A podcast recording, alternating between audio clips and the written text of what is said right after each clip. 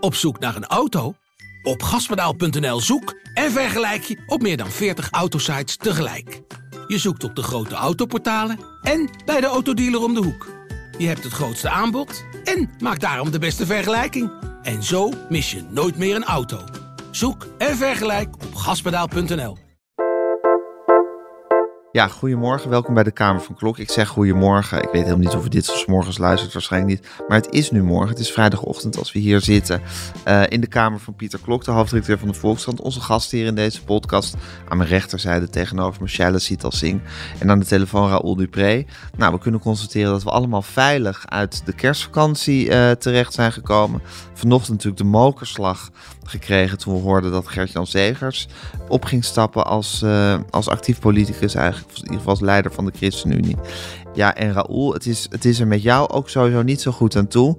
Je vond de afgelopen week, heb je echt, ja, heb je echt af moeten zien, hè? begrepen we net van je. Ja, ik heb het eigenlijk altijd de tweede week van januari, omdat iedereen werkelijk het hele land weer gewoon uh, aan het werk is. En die Tweede Kamer dan om ondoorgrondelijke redenen altijd nog een week uh, uh, wegblijft. Want de Kamer heeft drie weken reces met, met kerst. Ja, en dan moet je altijd een beetje uitkijken, want er is op zich natuurlijk helemaal niets mis met reces. Ook in het reces gebeuren belangrijke dingen. Kunnen Kamerleden op op reis en op werkbezoeken en een achterban ontmoeten. En dat doen ze ook. Dan kunnen ze met hun poten in het bluswater gaan staan. Zo is het. En dat doen ze ook heus in hoge mate. Het verschilt van persoon tot persoon, maar velen wel.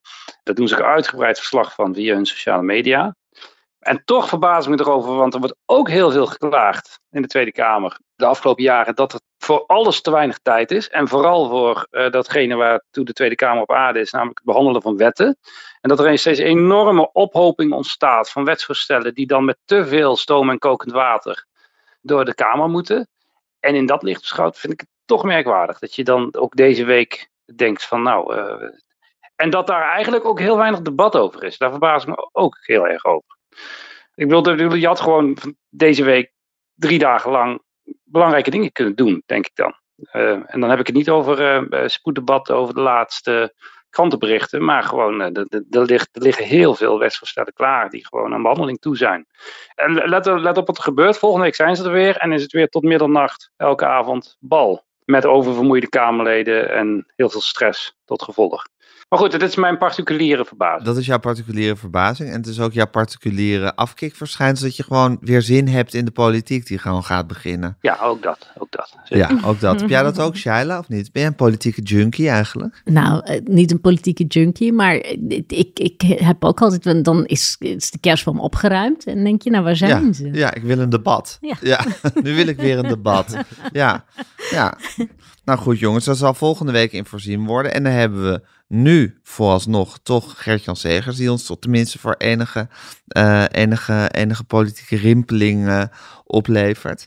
Uh, Mark Rutte heeft inmiddels gezegd dat het voor hem als een totale verrassing en een shock kwam dat, dat Gert-Jan Segers zijn vertrekken aankondigde. Voor jou ook, Pieter?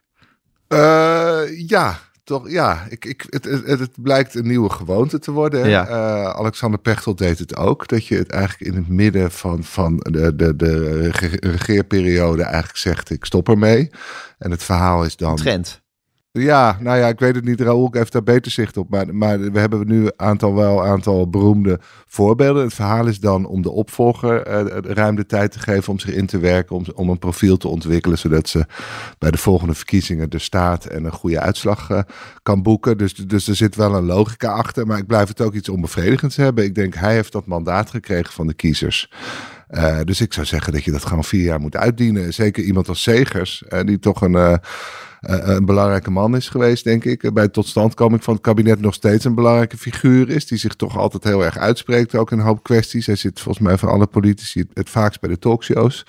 Uh, dus het is iemand die zich nadrukkelijk profileert. En, en denk ik ook een belangrijke rol speelt. Als een soort bemiddelaar, verbinder. Ja, uh, dus dat is een dus anker in de politiek noemde Mark Rutte hem. Ja, en, en hij probeert ook heel erg vanuit zijn geweten politiek te bedrijven. En, en, en daar, daar praat hij ook de hele tijd over. Hè, hoe hij alles weer met zijn geweten in het reinen heeft gebracht. Eh, dat vind ik wel een duidelijke toevoeging in het politieke landschap. Dus het is denk ik, eh, ondanks dat hij misschien niet zo heel veel zetels heeft, wel een echt belangrijke speler. Dus nou ja, ik, ik vind eigenlijk dat je er dan niet zomaar mee mag stoppen. Ja. denk ik. Ja, vind ik ook een beetje, Shaila, de journalistieke reflex van iemand dan voor de voeten gaan werpen dat hij niet mag stoppen. Ja, nou Toch, ja, ik- er is nooit een goed niks ten moment. nadele van Piet hoor, maar... eh, Er is nooit een goed moment om te stoppen. Er zijn twee manieren waarop je als, als politiek leider of, of, of, of gezicht van een partij kan stoppen. En het ene is de dramatische manier na het verliezen van verkiezingen of, of, of een Ja. aftreden of, Ja, een, of een relletje. Of een, of, een, of een totale ramp. En de andere is het regisseren en het echt helemaal van tevoren bedenken. En Ja. dit, is, eh, dit is tot in de puntjes geregisseerd. ja, en dan is de timing natuurlijk wel belangrijk. Maar goed, Pieter, Ja, en dan moet Pieter dat zegt natuurlijk van, we hebben nu men- Ja, mensen ik op weet hem ook niet of gestemd, het- die of hebben hem een mandaat is. gegeven. Ja, ik weet ook niet of het nieuw is. Ik weet nog dat Femke Halsema op die manier het stokje bij GroenLinks overdroeg aan Jolande Sap. Dat is ook alweer uh, meer dan tien jaar geleden, geloof ik. Dus het gebeurt wel vaak. Emiel Roemer aan Lilian Marijnissen. Ja, Ook ja, in het ja. midden. Ja, het is gewoon een beetje een rustige manier om het over te dragen. En het is, je- weet je, het, het is altijd Want als je eerst een verkiezingscampagne ingaat en allemaal debatten voert en, en beloftes doet. En dan na de verkiezingen zeg je, ja, maar ik draag het nu over aan iemand, dan is het ook niet goed. Ja, maar je kan vlak je voor de vlak verkiezingen. voor de verkiezingen, dan, Ja, maar dat, dan, dat dan heeft, dupeer je je partij. dat heeft eh, Lodewijk Asscher eigenlijk gedaan. Die is wel in een soort ramp opgestapt. Die heeft verantwoordelijkheid genomen voor die toeslagenaffaire. En toen is het heel haastig overgedragen aan Lilianne Ploemen. Die meteen een verkiezingscampagne zou doen. En toen was weer het verwijt. Ja, niemand kent haar als, als leider. Ze had er eerst in moeten groeien.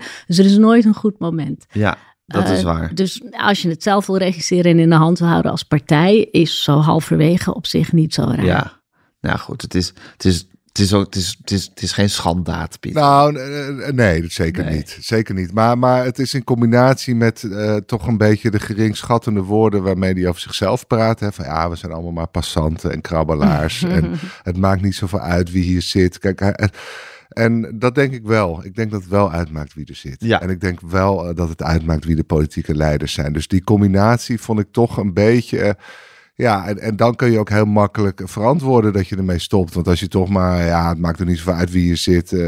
eh, iedereen doet Ja, hij beetje vindt dat je hetzelfde. dienend moet zijn als, eh, als leider. Dat is, een, dat, is, dat is voornamelijk dat je niet, dat, is- dat het niet om jouw ego of jouw, Nee, jouw als je dienend... gaat, maar dat je, dat je een soort dienend leiderschap. Ja, daar had hij het in dat interview Ja, over. Ja, dat vind ik heel mooi. Ja. Dat, dat, eh, de- en ik vind het Ja. goede leiderschap is, allemaal is zeggen, dienend leiderschap. Dat zeg ik graag. Ja, nee, Ja. dat is iets wat, eh, wat ik zelf ook ook Nee, maar dat is waar. Ik vind, ik vind een, een- iemand die leiding geeft moet in de eerste plaats dienstbaar zijn. Dus dat, dat, dat is allemaal heel mooi. Ja, Eh, maar de vraag is, als je dienstbaar bent, ja. Ja, dan kan je ook zeggen, dan, dan, is dit, dan moet je gewoon doorgaan. Want wat Ja. je bent dienstbaar aan iets, dus het doet er helemaal niet toe wat jij zelf eh, vindt en of jij het goed kan verenigen met je gezinsleven. Nee, je hebt een dienstbare opdracht. Oké, nou Gert-Jan Segers, knoop het in je oren. Raoul, dan wil ik nu even aan jou vragen. Eh, hij gaf een eh, afscheidsinterview. Van, een, hij kondigde dit aan in een interview in Nederlands Dagblad en in NRC Handelsblad. Is het nu crisis, of NRC, is het nu crisis op de, op de politieke redactie van de Volkskrant? Gepasseerd door Gert-Jan Segers? Hoe, ja, maar hoe, ga, hoe gaat zoiets? Hoe wordt dat gekozen? Wordt, word je nog gepolst daarvoor? Nee, ja, hoe gaat het? Dat moet je aan de afdeling eh, communicatie van ehm, eh, de ChristenUnie vragen. NRC ligt denk ik, of eh, het ND ligt natuurlijk voor de hand, hè? dat is hun achterban. En dan hebben ze ongetwijfeld gedacht, dan doen we een landelijke krant erbij. welke zullen we eens doen? Ja, het is ook vaak een beetje verdeel en heers. Maar eerlijk gezegd proberen we daar zo min mogelijk in dat, dat soort dingen mee te gaan. Ik bedoel, eh, ik denk dat als de ChristenUnie ons had gebeld, dan wil je het afscheidsinterview met Gert-Jan Segers, dat we het ook gewoon hadden, meteen hadden gedaan hoor. Maar eh, eh, ja, dan moet je ook verder allemaal niet zoveel van aantrekken. Zo gaan die dingen natuurlijk gewoon, ja. Maar no hard feelings. Pieter, jij bent woedend? Nee, nee, nee natuurlijk, ik vind het altijd jammer. Ik, heb hem, ik had hem liever zelf gehad. Maar in dit geval was het natuurlijk een van degenen die het interview hebben afgenomen. Petra de Koning heeft eh, vooruit, eh, voorafgaand aan de vorige verkiezing ook heel lang met de ChristenUnie meegelopen. Dus ik denk dat hij Ah, ja, precies. Ik denk dat hij gewoon mensen zoekt die hij goed kent en Ja. waar hij zich veilig bij voelt. Want het is natuurlijk een vrij kwetsbare boodschap. Ja, Eh, ik- het viel me op dat hij op zijn eigen site, op de ChristenUnie-site, hebben ze Wilfred Gené uitverkoren om hem te interviewen. Echt? Ten afscheid, ja. Dat meen je niet. Wat een opmerkelijke schnabbel van Wilfred Gené. Had jij die willen hebben, Gijs? Wat? Absoluut, schnabbel? tuurlijk. Ja. mijn mond valt open van verbazing. Ja. Is dat een geschreven interview of is dat een nee, soort nee, volgens mij is dat YouTube-filmpje? een Ach, YouTube-filmpje. dat heb ik helemaal gemist. Heb jij het al gezien, Shaila? Ik heb het nog niet gezien, want ik ben mijn telefoon kwijt. Oké, ja, dat is waar. Die ligt in je auto nog waarschijnlijk, hopen we.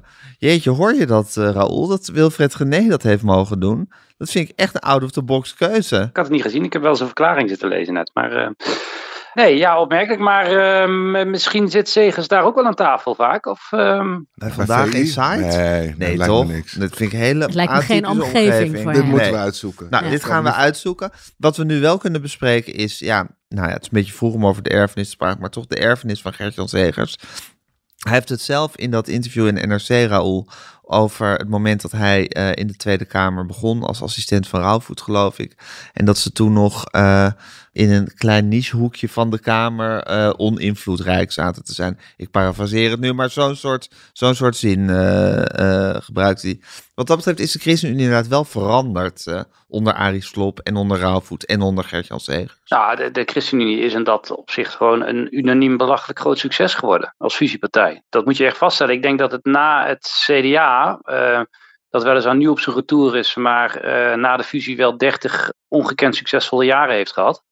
Dat de ChristenUnie eigenlijk eh, het andere voorbeeld is van een fusie die een partij heel veel heeft gebracht. En gek genoeg niet in zetels. Want ik kan me vergissen, maar volgens mij hadden de RPF en de GPV regelmatig ook samen vijf zetels in de oude Tweede Kamer. Maar wel in de ontwikkeling die de partij daarna inderdaad heeft doorgemaakt als coalitiepartner. Dat is onder Rauwvoet en vervolmaakt onder Arie Slob en, eh en Gert-Jan Stegers. Waardoor de ChristenUnie, denk ik, echt bovenmatig veel invloed heeft al heel lange tijd in verhouding tot hun zetelaantal.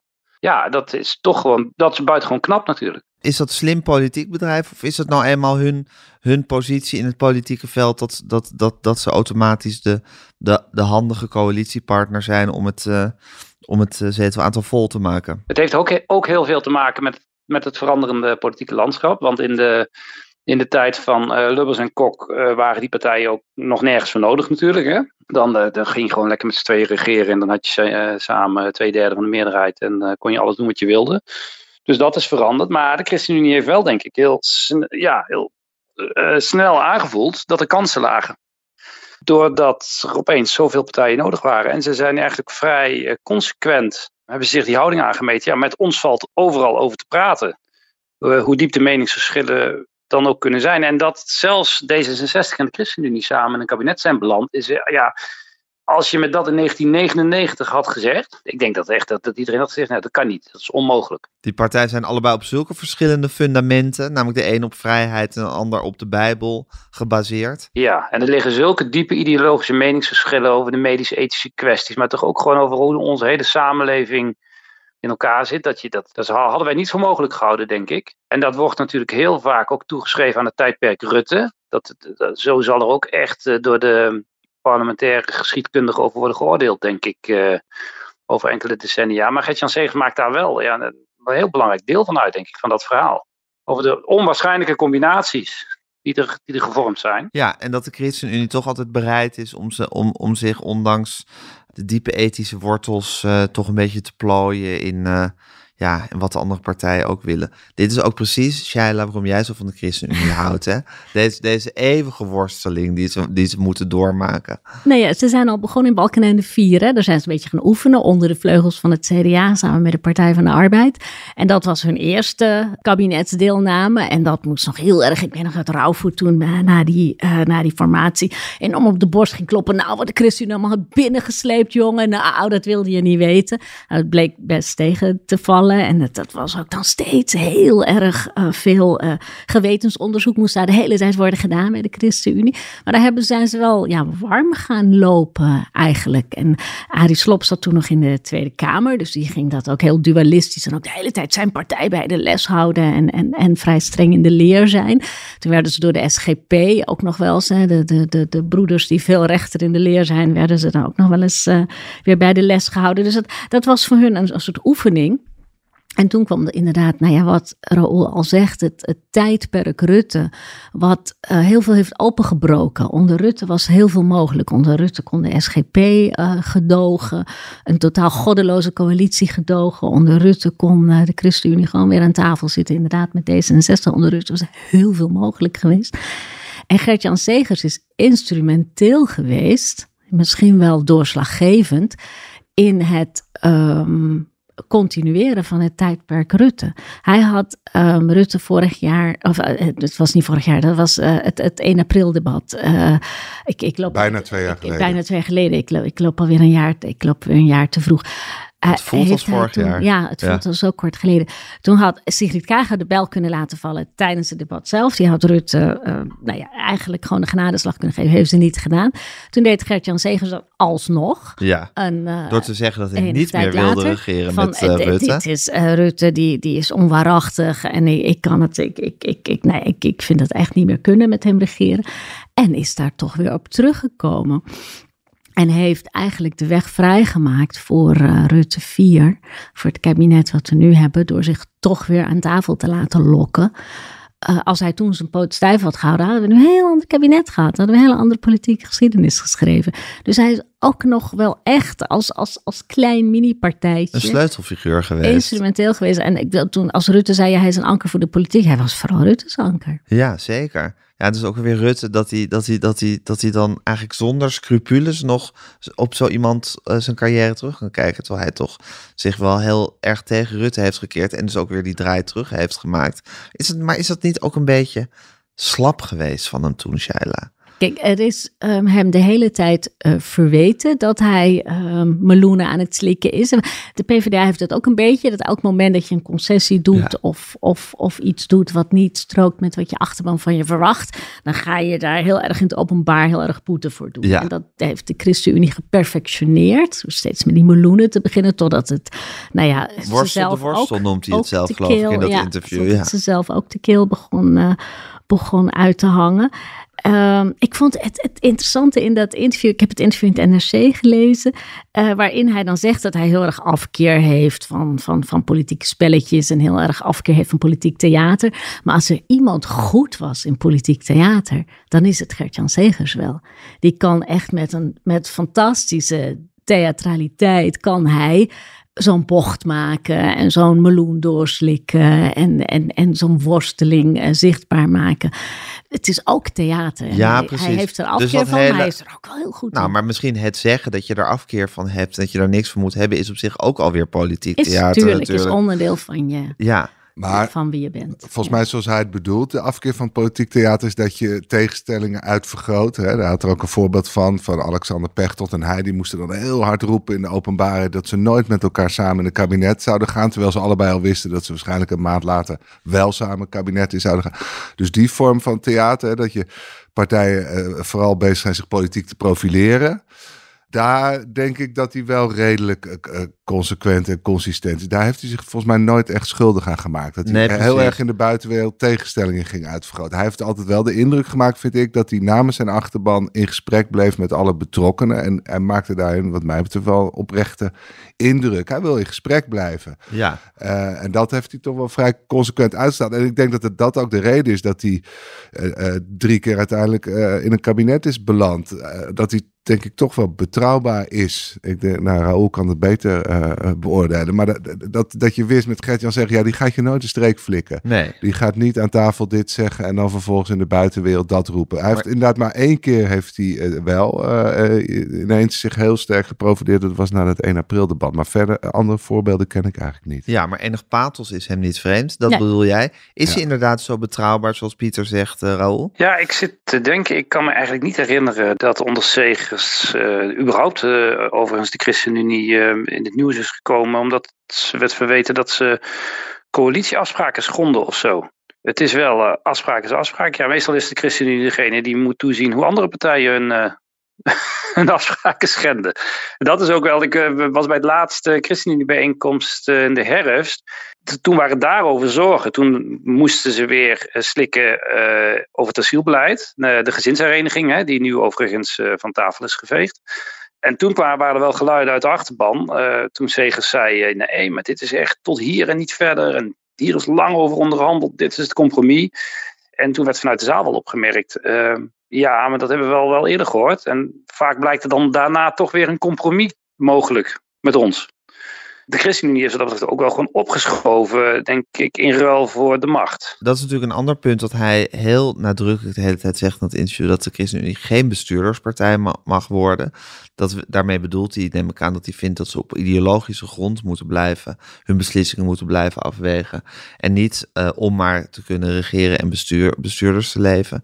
Maar is er nog echt iets over van die, van die diep christelijke waarden van de ChristenUnie, eh, Raoul? Jawel, jawel. In die partij zeker wel. Jawel, jawel, zeker wel. Zeker. Maar het is wel zo dat in het alledaagse politieke werk, uh, uh, dat dat niet altijd aan de oppervlakte komt. Je merkt dat als je op een partijbijeenkomst rondloopt. Hoe zijn die, de partijbijeenkomsten van de ChristenUnie? Nou, diep doortrokken van religie en uh, geloofsovertuiging. Maar goed, ja, wel een partij. Kijk, het waren getuigenispartijen de RPF en de GPV. De bestuurlijke fusie is van 2000, dus precies bij het begin van deze eeuw. En um, uh, ja, het, eerste kwart van deze eeuw, het is een ongekende ontwikkeling die ze toch hebben doorgemaakt. Um, uh, en, dat, en toch die compromisbereidheid. En dat is eigenlijk steeds verder opgeschoven, want in de laatste formatie hebben ze ook, om het überhaupt mogelijk te maken, dus zeg maar hun blokkades opgegeven. Van ja, maar als wij met jullie in een kabinet uh, zitten, mogen jullie ook niet daarbuiten allerlei alternatieve ontplooien. Wat er meteen toe leidde dat uh, bijvoorbeeld de liberalisering van de abortuswet aan meerderheden werd geholpen. Weet je, de abortuspeel bij de huisarts, het schrappen van de bedenktijd voor abortus. Dat waren nou typisch van die dingen waar de ChristenUnie vroeger dan van zei: ja, maar als jullie met ons willen regeren, gaan jullie daar geen handtekening onder zetten. Dat hebben ze losgelaten en dat had dan ook weer te maken met, met de bestuurscultuur. Hè. De analyse was uh, dat er natuurlijk uh, allerlei meerderheden onderdrukt werden in de Tweede Kamer, juist door die coalitieafspraken, dat dat tot ongezonde situatie leidde. Dat heeft Segers zich aangetrokken en um, dus besloten dat hij hier geen veto's meer ging, ging opwerpen.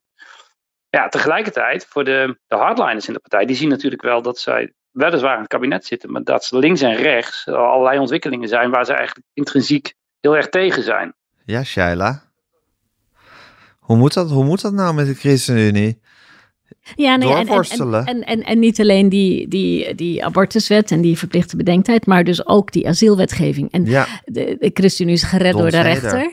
Ja. En Don Ceder is gered door de rechter, omdat nu het ook, nou ja, formeel ook, uh, ook, ook, ook, ook door rechters is bevestigd wat van meet af aan al werd gezegd toen die nieuwe asieldeal werd gesloten. Van ja, maar je kan mensen niet het recht op gezinshereniging ontzeggen. Dus het kabinet is nu ook wel door de pomp. Dus nou ja, dat, dat, dat kan hij tenminste dan nog op zijn konto schrijven van nou ja, oké, dat hebben we dan, uh, heb ik misschien niet zelf uitonderhandeld, maar dat hebben we in elk geval.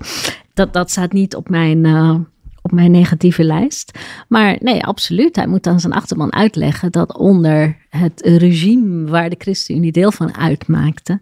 Dit soort dingen uh, gebeurt. Dit soort dingen zijn ja, gebeurd. Ja, en dat ChristenUnie er niet meer voor ligt. Nee. Nee. nee. En ik ben heel benieuwd hoe die partij zich gaat ontwikkelen. Omdat het, het, het christendom in Nederland uh, in toenemende mate drijft op migrantenkerken. Dus het brengt een hele andere sfeer. Dat is ook wel conservatievere uh, mensen, denk ja? ik. Dan de... Wat meer hardliners? Ja, absoluut. Ja? ja? Ja, Dus ik ben heel benieuwd hoe dat, uh, hoe dat zich gaat ontwikkelen. Ja, ja. Hoe dat die partij gaat beïnvloeden. Wat ik een van de mooiste passages uit het interview vond, was dat hij eigenlijk schetste dat hij een bijna fysieke afkeer van de macht had gekregen. Dat hij op het ministerie ja. van Landbouw liep. Ja door, door marmeren gangen. Ja, dat was wel een goed en, stukje en inderdaad. ook zag hoe ministers eigenlijk uh, worden vertroeteld en uh, ja. bolides allemaal worden bediendes hebben en bolides. Ja, en ze hoeven ja. maar dit te zeggen. En dus hij heeft ook gewoon, uh, hij is in een wereld terechtgekomen waar hij zich helemaal niet thuis voelt. Ja. Weet je. Het is iemand die, daar verwijst hij ook vaak natuurlijk, heel lang in Egypte heeft gewerkt. Ik denk heel erg op grassroots level, ja. een beetje zendeling werk. Dat hij dacht, ik ben in een wereld beland waar ik niks heb te zoeken. En, en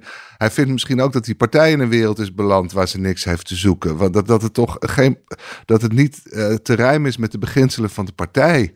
Uh, en, en dat vind ik interessant. En ik ben ook benieuwd hoe dat verder gaat. Of die afkeer breder in de ChristenUnie zit. Of dat er toch een, deel van de ChristenUnie is, Carole Schouten. Ik weet niet, die zich juist enorm senang voelen in die bestuurscultuur. En, en, en kabinetten formeren. En daar dan ook min of meer aan gehecht zijn geraakt. Of daar er toch, toch een soort nou, ook twee kampen in zijn. Van hoe gaan we verder? Ja. Uh, blijven bestuurspartij? Want, want we zijn toch, we blijken een soort ideale bemiddelaar. En, en we zijn een ideaal bindmiddel, blijkt. Uh, willen we dat blijven? Of willen we terug naar vijf zetels in de Kamer oppositie voeren? Terug naar ons geweten? Ja. Uh, ja luisteren wat God ons influistert. Hij liep door het ministerie van Landbouw, omgeven door marmeren vloeren, muren, Ja. weet ik veel wat. En voelde ineens, ja, wat heeft dit eigenlijk nog te maken met ja, de mensen waarover het gaat en de ideologie waarmee je politiek Ja. dient, dient en eh, ook mijn eigen bedrijven. missie misschien. En ook mijn eigen missie. Dus misschien denk jij, Pieter, eh, zit er in hem ook wel iets van, misschien moet... Hij gaat dan nu de woestijn in, zoals hij zelf overdrachtelijk Ja. zegt, terug de woestijn in. Misschien moet die partij ook wel weer eens de woestijn Nou, ik in. weet niet of dat moet, hè, want ze kunnen net zo goed zeggen: we, we, we blijven bestuurderspartij. Ja, maar dat, dat, Segers dat goed. misschien een beetje heeft. Want misschien Ja. moeten we ons allemaal weer een beetje gaan herijken. Ja, hij omdat, zei wel met omdat een ze misschien in het compromissen sluiten dat ze toch te ver zijn Ja. gegaan. En het meloenen doorslikken. Daar hebben ze, dat was ook een mooie passage. Die zei, ik krijg er zelf ook genoeg van, van die meloenen doorslikken. En dat, dat elke keer maar weer zeggen van ja, het was in strijd met mijn geweten, maar we konden niet anders. Op een gegeven Ja. moment is je geweten toch vervuild geraakt. En wil je je geweten weer opschonen. Die, die behoefte proefde ik heel erg. Hij gaat ook gewoon thuis zitten en boeken schrijven in zijn, zijn tuinhuisje.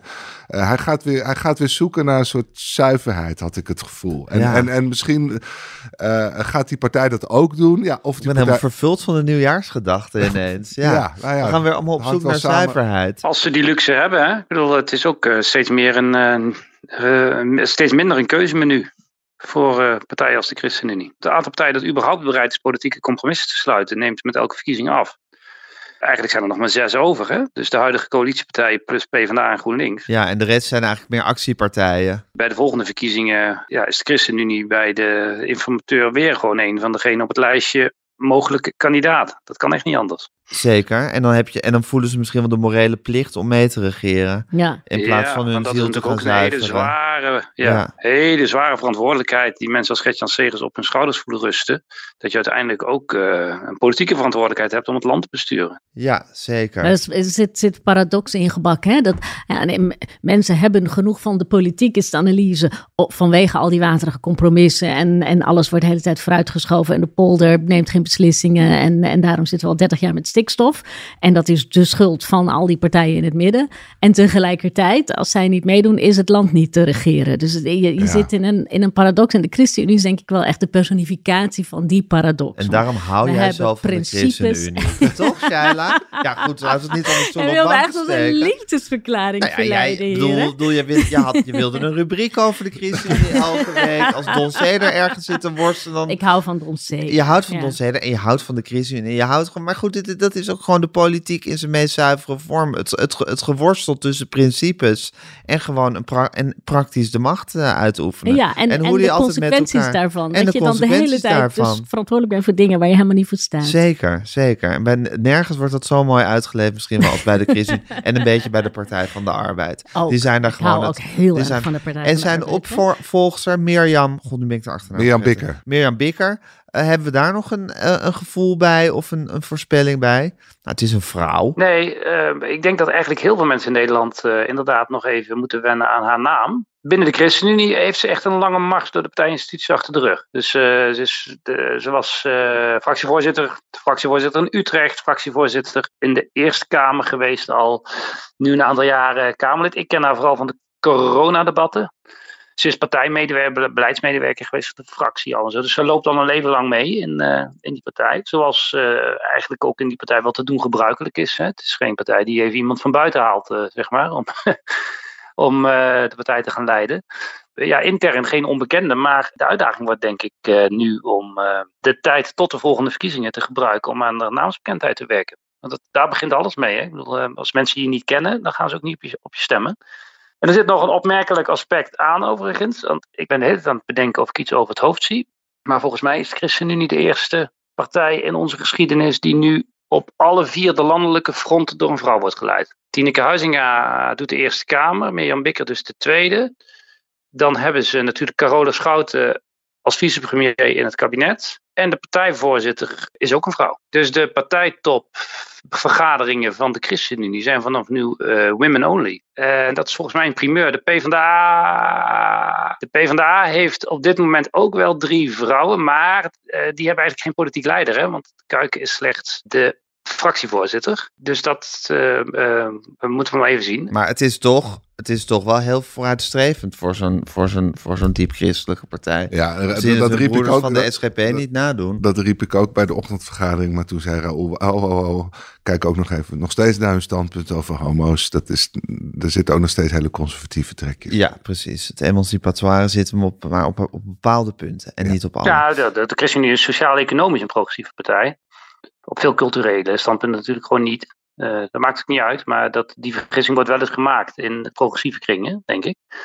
Maar, maar, maar ja, goed, het, het, het is wel dus een partij waarin in elk geval zonder volgens mij dat daar nadrukkelijk op wordt gestuurd, zoals bij de PvdA en GroenLinks, nu gewoon vier vrouwen komen bovendrijven als eh, kennelijk de grootste talenten van de, van de partij. Dus ja, dat is toch wel een markant momentje. Een markant momentje. En we, wer- we wensen namens het hele team van de Kamer van Klok, Mirjam Bikker, en heel veel succes met haar lange gang langs alle talkshows. Eh, ze zal de late avonden vrij in moeten ruimen om daar eh, achter de présence te geven en aan haar naamsbekendheid te gaan werken. Ondertussen heeft eh, Kim Putters een interview gegeven van de, de voorzitter van de, van de SER, van de Sociaal-Economische Raad.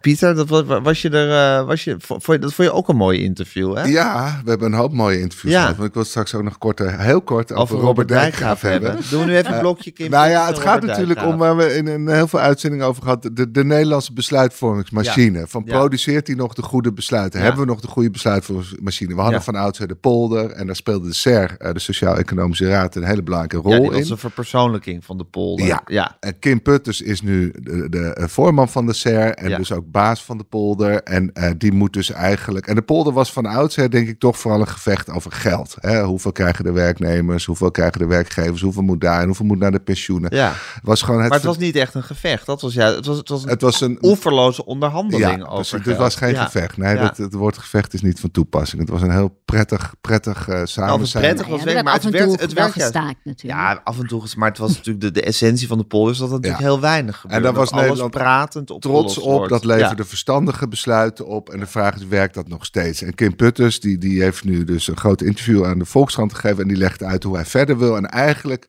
zegt hij, ik wil afscheid nemen van dat oude model. Waar het Ja. alleen nog maar om geld gaat en materiële vooruitgang. We moeten veel breder gaan kijken. We moeten ook veel meer gremia van de samenleving erbij betrekken. Ja, ik ben heel benieuwd hoe hij het voor zich ziet. Want de polder is al vrij ingewikkeld. En, en, maar dat moet eigenlijk nog verder uitbreiden, krijgt het idee. Naar andere sferen van de samenleving. Maar het idee dat hij erover nadenkt. En hij doet dat altijd op een abstractieniveau. Wat ik zelf eh, eigenlijk niet zo goed aan kan. Want, Nee. eh, dat, dat is behoorlijk eh hogeschool denken. Mhm.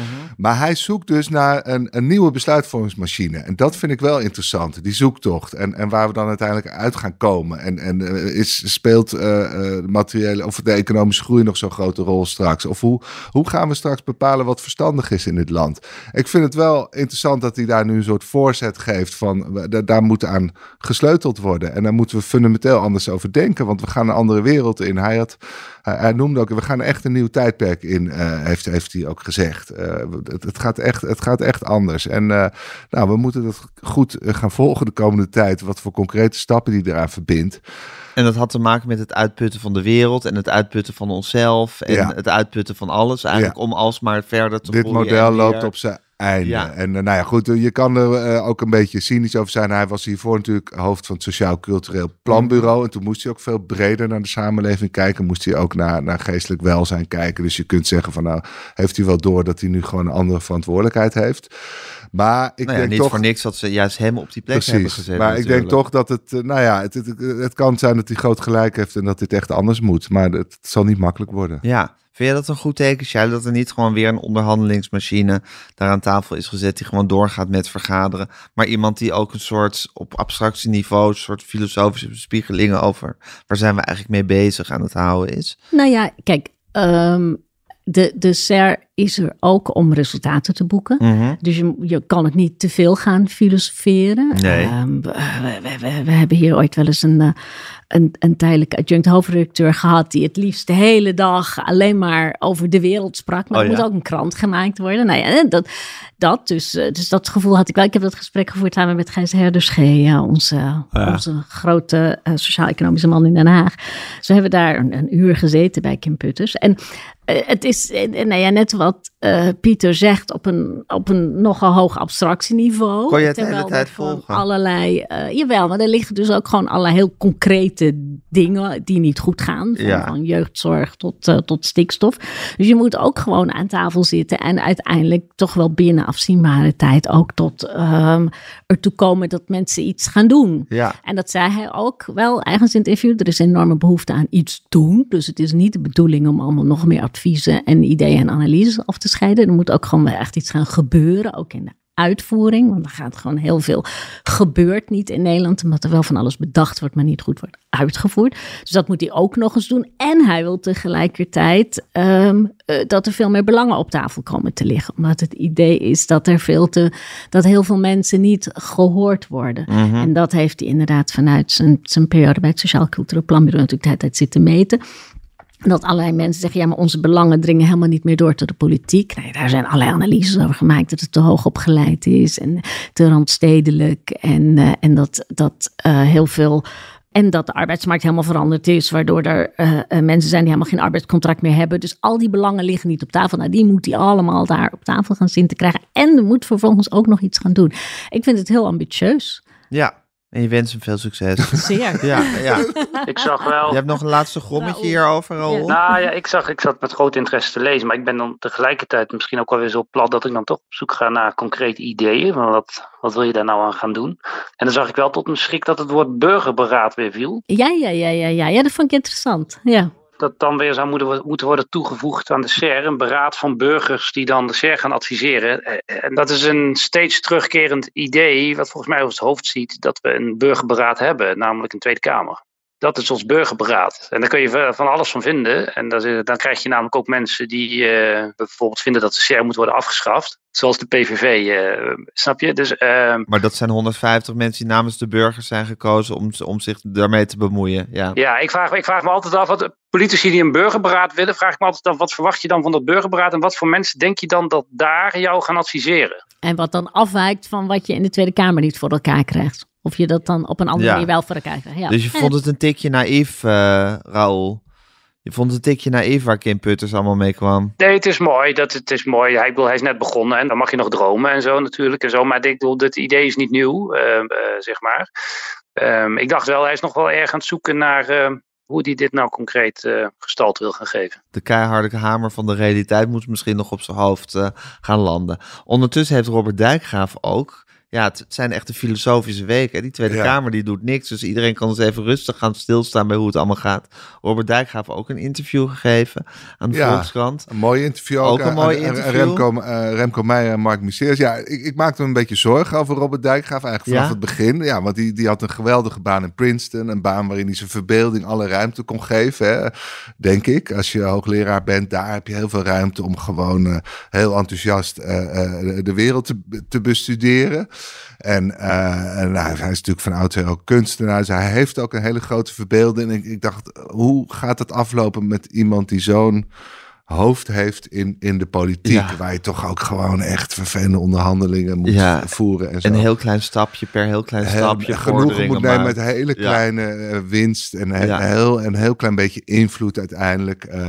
maar het geruststellende van het interview was dat hij alles met fascinatie eh, bekijkt. Dus hij ook daar, hij zegt ook ja, hoe, zo, hoe die besluit tot stand komen, dat is echt heel interessant. Het is alsof een heel, heel ingewikkeld recept voor een taart. En, en uiteindelijk levert het toch best een. Maar hij zit dus daar. In plaats van dat hij gefrustreerd raakt, waar ik een beetje bang voor was, Ja, zit hij eh, gefascineerd te kijken. En zoals hij naar kleine deeltjes kijkt, kijkt hij nu naar, naar het hele politieke bedrijf. Dus hij heeft, hij heeft eigenlijk nog steeds zijn wetenschappelijke stand niet verlaten. ja. En ook daar moet je dan op een gegeven moment afvragen, net als bij Kim Putters, van ja, mooi die analyse en, en mooi dat Moet je dat allemaal wat zo gebeuren? Maar uiteindelijk moet je ook wel wat eh, berei- bereiken. hè. Ja. Want hij moet natuurlijk de, de instroom van buitenlandse studenten moet in ieder geval eh, niet heel veel verder groeien. Eh, nou, dat onderwijs in Nederland is toch echt wel vrij slecht aan toe, hè? De, de Ja. leesvaardigheden en zo.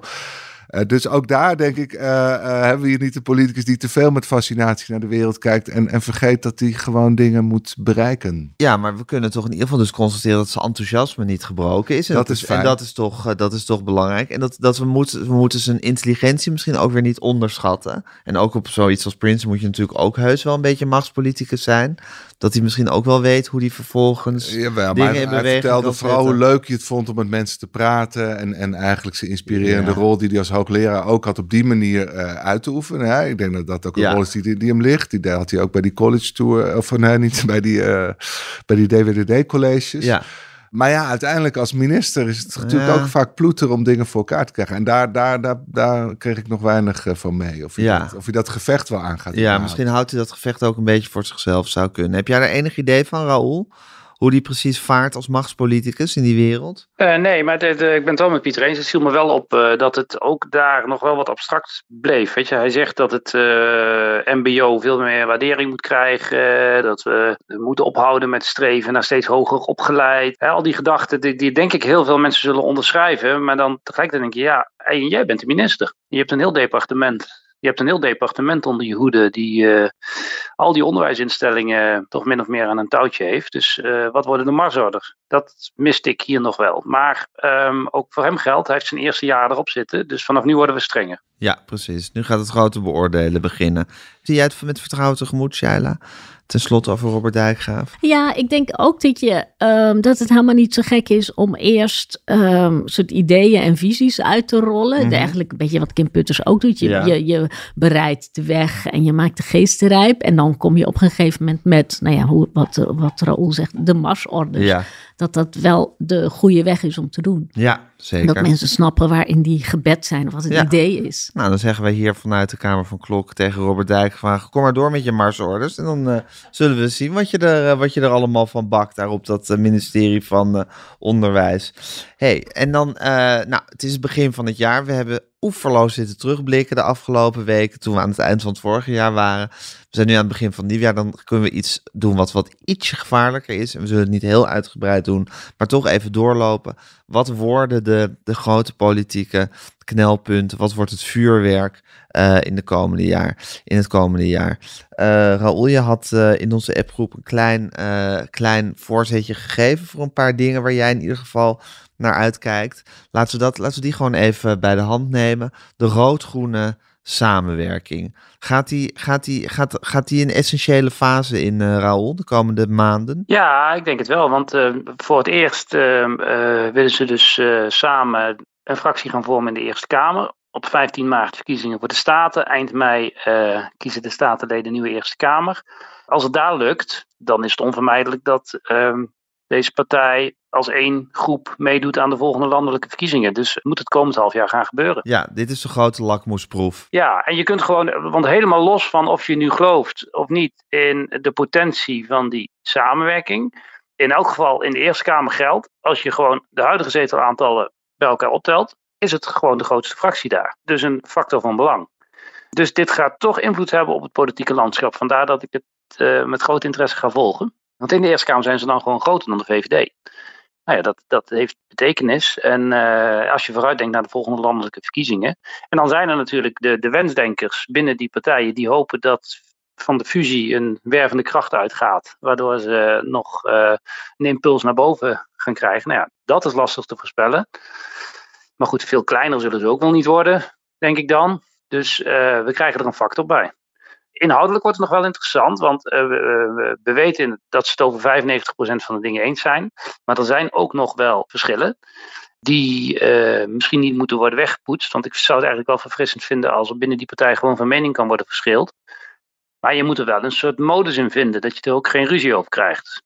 Nou ja, handelsverdragen. Hè. We hebben gezien dat ze laatst bij de, de, afgelopen jaren in de Eerste Kamer verschillend stemden over het uh, handelsverdrag tussen de Europese Unie en Canada. Ik zag dat ze dit weekend uh, de leden bijeen zijn om het over zoiets als het basisinkomen te hebben. Dat is een hele oude wensdroom die binnen GroenLinks al decennia, decennia meegaat. Maar waarvan de PvdA volgens mij nooit veel heeft willen weten. Ja, dat soort debatten, die, die, die gaan ze nou in in al die zaaltjes. En dat wordt toch heel interessant. Migratie. Migratie is, is het, uh, het springende punt, volgens mij. Tussen, tussen die twee. En, en de Achilleshiel. Ja. En dat, want? Nou, als dat het grote onderwerp wordt bij de komende verkiezingen en de verkiezingen daarna. En, Ja. en dat dreigt, hè, gezien wat er allemaal nu gebeurt met die rechtelijke uitspraken en het kabinet geen grip krijgt op eh, het aantal asielzoekers. Ja, dan zal die. eh, eh, Ik denk dat beide partijen de hoop hebben dat het daar niet over gaat. Dat het over sociaal-economische vraagstukken gaat en over het klimaat. Ja, daar zijn en ze daar zijn ze heel erg over in. eens. Ja, daar Ja. hebben ze een verhaal van, maar van migratie hebben ze geen verhaal. En van migratie. En als dat een belangrijk onderwerp wordt, dat, dat, dat wordt een splijt van. Want ze hebben daar nog steeds geen verhaal. Hè? En de andere sociaal-democratische partijen, zeker in Scandinavië, hebben al besloten van nou, wij, wij kiezen ook gewoon voor een hard immigratiebeleid. Ik denk dat ze eh, eh, als fusiepartij dat niet durven. Ja, Nee. En dan wordt het weer een beetje een modderen van ja, wat dan wel? Ja. En gaan ze dan wel kiezen voor juist heel humaan? Hè? Wat, wat ze in het verleden hebben gedaan. Wat is natuurlijk ook GroenLinks, GroenLinks, GroenLinks, GroenLinks is nog weggelopen. puur ooit bij humaan een, eh, standpunt. ja, eh, eh, daarvoor. van we moeten ze gewoon allemaal goed opvangen. Ja, de vraag is of ze dat aandurven in het huidige klimaat. Dus ik vrees dat dat, als je het hebt over risico's voor deze fusie, is dit Is het grootste het? risico's. Ja. Ja, en jij ziet dat allemaal een beetje met, ehm, ja, met, nou zorg niet, maar je, je vraagt je af of dat goed gaat komen, Shaila. Ik ben ervan overtuigd dat het goed gaat komen. Oh, je bent er wel er- van overtuigd Ja, dat het goed gaat komen? Omdat er ook geen alternatief is. Die partijen zitten allebei, denk ik, aan hun bodem. Ehm, als er ergens elan van links moet komen, dan moet het toch eh, van een samenwerking komen. Ja. En dan moet het ook van een samenwerking komen met erkenning van dit soort verschillen. Ja. Dus dat je een partij krijgt met vleugels, die, ehm, met, met open onderling debat. En ik kijk daar enorm naar uit. Ja, maar ze moeten, ze, moeten, ze moeten eigenlijk verder met z'n tweeën. Ja. En dan moeten ze het maar eens worden over die migratie. Ja, want het Ja. alternatief is dat je het land dan overlaat aan een gemankeerde VVD, een uitgeholde VVD en een nog gemankeerder CDA. Ja, En ja, 21. En een, precies, en een, zo, en een, en een zeer eh, zelfverzekerd. En ja, denk je dat het, 21. het linkse smal deel van de Nederlandse bevolking ook gewoon zit te wachten op een, op een, op een brede, eensgezinde ik denk, linkse ik denk niet alleen te eh, wachten, partij. maar te smachten. te, sna- naar. te smachten en te snakken? Ja, Ja, ja, het is er gewoon het moment voor. absoluut. Ja, en ik denk dat alle, alle eh, tegenstanders eh, van oudsher van die samenwerking eigenlijk inmiddels ook wel gewoon een beetje ja, de mond gesnoerd is. eh Adrie. Duivenstein. Adrie Duivenstein, ja, dat is eigenlijk de naam Nou ja, die moeten dan wel een alternatief hebben. En Ja. als het alternatief de SP is, daar gaat electoraal gewoon te weinig een wervende Ja. kracht vanuit. Ja, of gewoon de Partij van de Arbeid weer in oude luister herstellen. Ja, dat gaat gewoon Ja, maar niet meer dat is dromen van iets wat niet gaat terugkeren. Dat is dromen van iets wat niet gaat terugkeren. Nou, Ja. Shaila ziet al en zingen de heeft economie gesproken. gaat ze helpen. Kijk, eh, we, hebben, eh, we hebben nu de voorpagina daling van de huizenprijzen. Ja, Ik denk dat je kon zeggen dat we iets ingaan wat op een recessie zal lijken. Mhm. Eh, die hogere energieprijzen, die economie wordt steeds moeilijker en lastiger. De overheid stopt tegelijkertijd, gaat eh, met, met iedereen maar de hele tijd steunen en, en alles maar de hele tijd subsidiëren en stutten. Dat gaat aflopen. Misschien worden voor de volgende verkiezingen, eh, wordt de, de economie wel het grote eh, Onderwerp. vraagstuk, het Ja. grote thema, het grote onderwerp. ja. En, En daar dat, kunnen zij scoren. Tuurlijk. Ja, oké, hartstikke goed. Nou, dan gaat de boerenburgerbeweging eh, gaat zijn intrede doen in de Eerste Kamer. Ze zijn bezig met, met het rondje Ja. onderwerpen wat het de komende jaar, of in ieder geval de komende maanden, een grote rol gaan, eh, gaan spelen. Zie, heb, je, heb je daar vertrouwen in, Pieter, dat die, dat die partij ineens eh, groot vertegenwoordigd zal zijn? Denk je, denk je nog steeds dat ze een grote uitslag gaan halen eh, bij de Provinciale? Nou, ik denk wel dat het CDA op, op zullen eten bij de, deze komende verkiezingen. Dus dan heb je denk ik wel voor de BBB een hele goede uitslag. Ja. Eh, ja, het grote vraagteken wat natuurlijk ook, eh, ook nog, eh, hoe, waar Pieter Omtzigt zich bij aansluit of niet. Want er werd ook wel gesproken dat die dan ook met die boerenburgerbeweging in zee zou gaan. Dat die, dan samen gaan of Ja. zo. Nou ja, dan, dan kan er van alles gebeuren. Ja. Ja, maar het is volgens mij vooral een wens van de boerenburgerbeweging. Ja, Ik iedereen wil hem dat claimen. Pieter Nee. Omtzigt heeft gevraagd wat hij wil. Nou ja, ja, ik vind het moeilijk in te gaan, maar ik, ik denk dat ze wel eh, in een hele duidelijke behoefte voorziet op dit moment. En, en die behoefte groeit. En het aantal mensen wat, wat die behoefte onders, eh, onderschrijft, groeit ook. Ja. Dus ik denk, het is een soort combinatie van nuchterheid eh, eh, met, met toch vrij, op sommige terreinen vrij radicale en uitgesproken standpunten. Dat is een hele aantrekkelijke Ja, combinatie. in ieder geval haar soort, soort ja, vingerspitsengevoel om te zeggen wat de mensen willen horen op een of andere manier. Ja, op want- die le- leuke, normale manier Ja. van Eh, dat, dat heeft ze. Maar, Maar is ze ondertussen, wat niet, Raoul? nee, en ze, ze- kijk, zij surft natuurlijk heel erg op die golf van sentiment van de regio tegen de Randstad. En eh, ze snappen in Amsterdam en in Den Haag niet eh, wat wij hier belangrijk vinden en hoe wij hier denken. Zij is de omgekeerde vlag en de hoogste eigen Zo is het. En daarom, om te beginnen, gewoon voor die samenstelling van de provinciale staten en dan met name in de veehoudende provincies, Gelderland, Overijssel, Noord-Brabant, Friesland.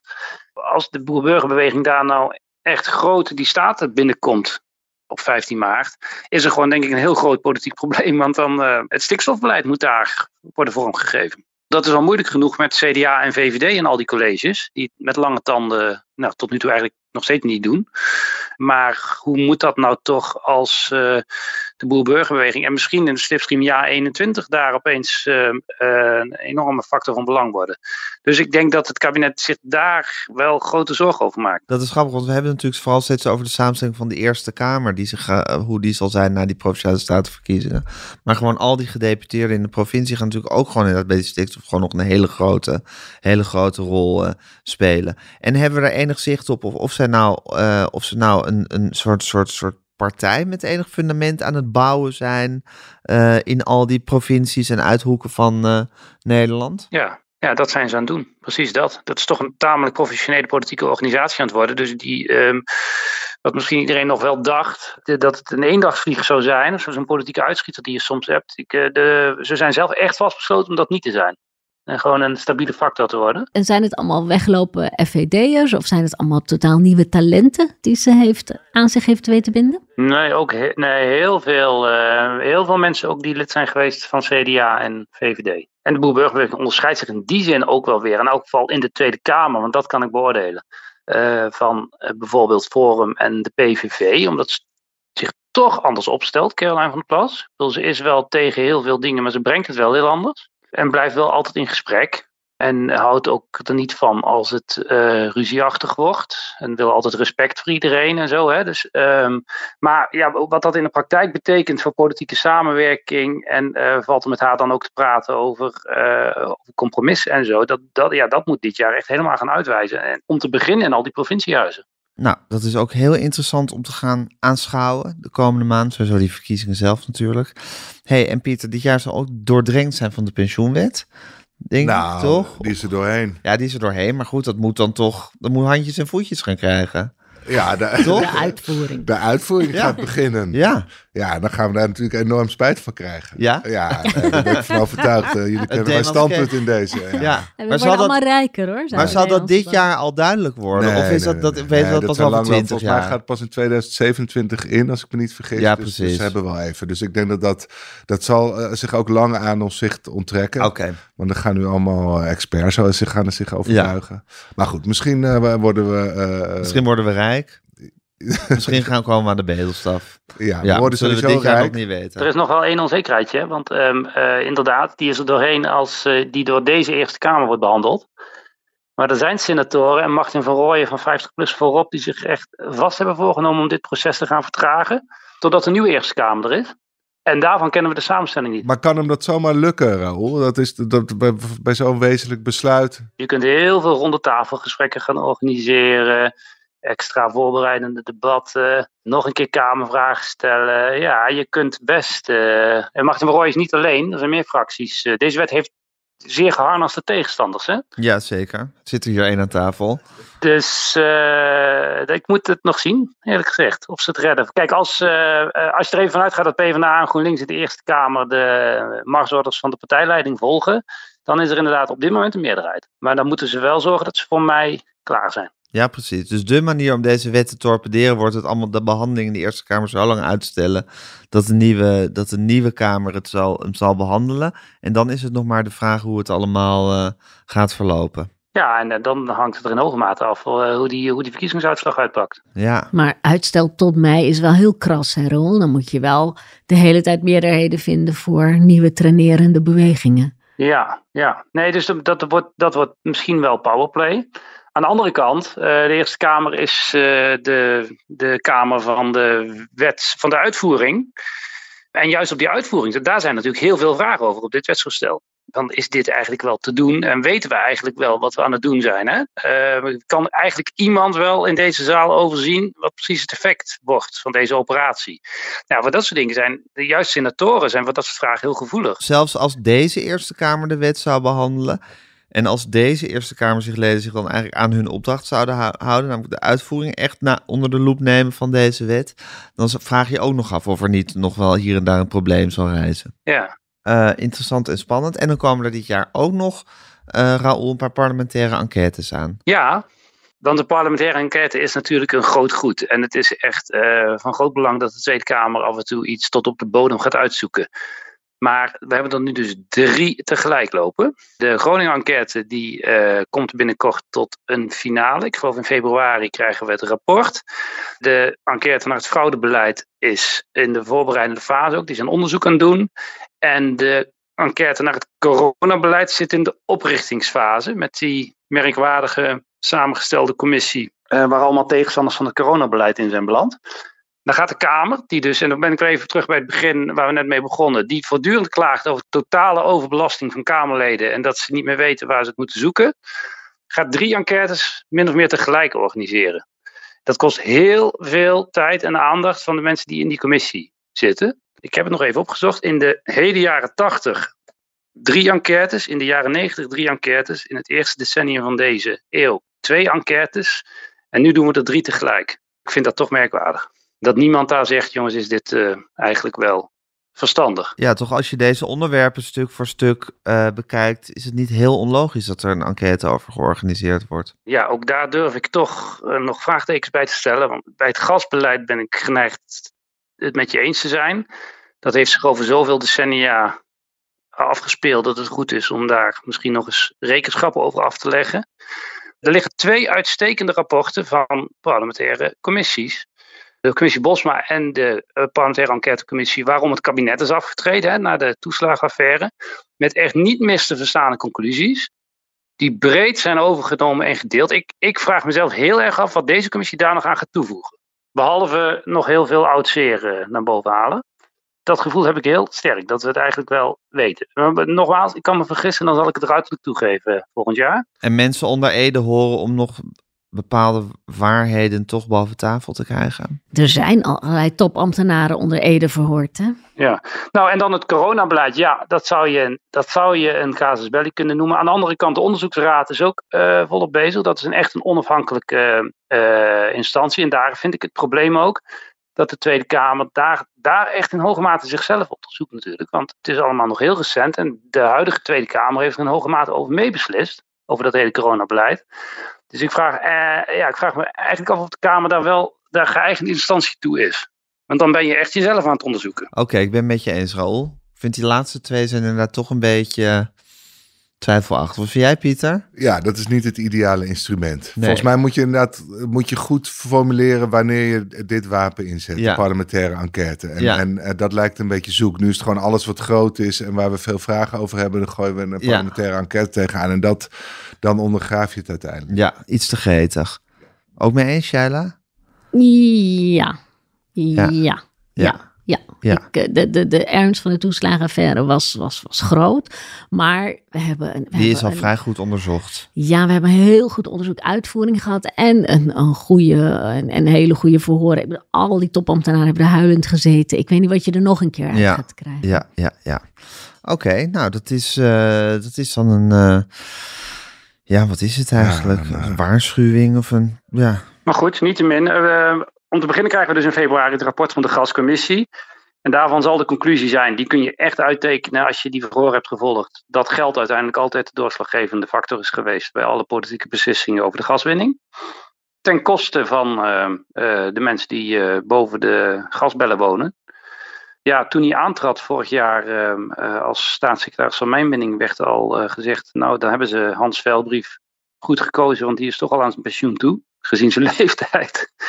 Want uh, er zal toch straks iemand moeten aftreden vanwege Groningen. Ik heb geen idee hoe het zo zal gaan. Maar ja, het werkt nou eenmaal wel zo. Volgens de Haagse logica is hij op dit moment de politiek verantwoordelijke man. Maar dan schiet Groningen toch niks mee op. Dan gaat Hans Velbrief gaat iets eerder met pensioen en dan... Volgens mij doet Hans Velbrief juist alles goed, toch? In ieder ja. geval voor de Groningers. Hij heeft dan ook van niets bijgedragen aan het uh, drama.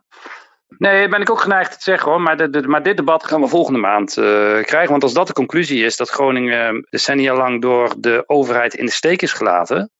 ja, dan wil de Tweede Kamer dat daar op de een of andere manier politieke verantwoordelijkheid voor wordt genomen. Ik, zeg niet dat het goed is, maar dat is vaak wel de, de, de, de reflex. Dan moet ervoor betaald worden op een of andere manier.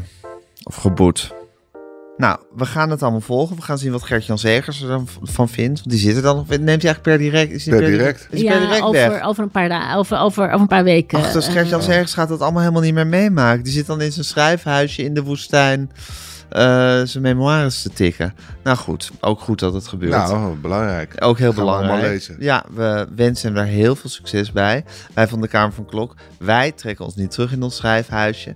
Wij zitten hier gewoon volgende week weer. En jullie gaan deze hele week nog uh, podcast maken, want dat stopt nooit.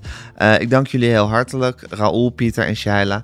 En natuurlijk luisteraars voor het luisteren. Abonneer je op deze podcast. Stuur ons een mailtje podcast.volkskrant.nl. Geef ons lekker veel sterretjes. En vooral luister elke dag naar Volkskrant Elke Dag. En volgende week neer, weer naar de Kamer van Klok. Tot dan.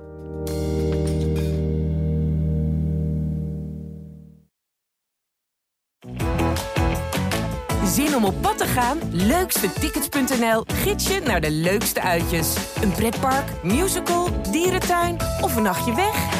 Start je zoektocht op leukstetickets.nl.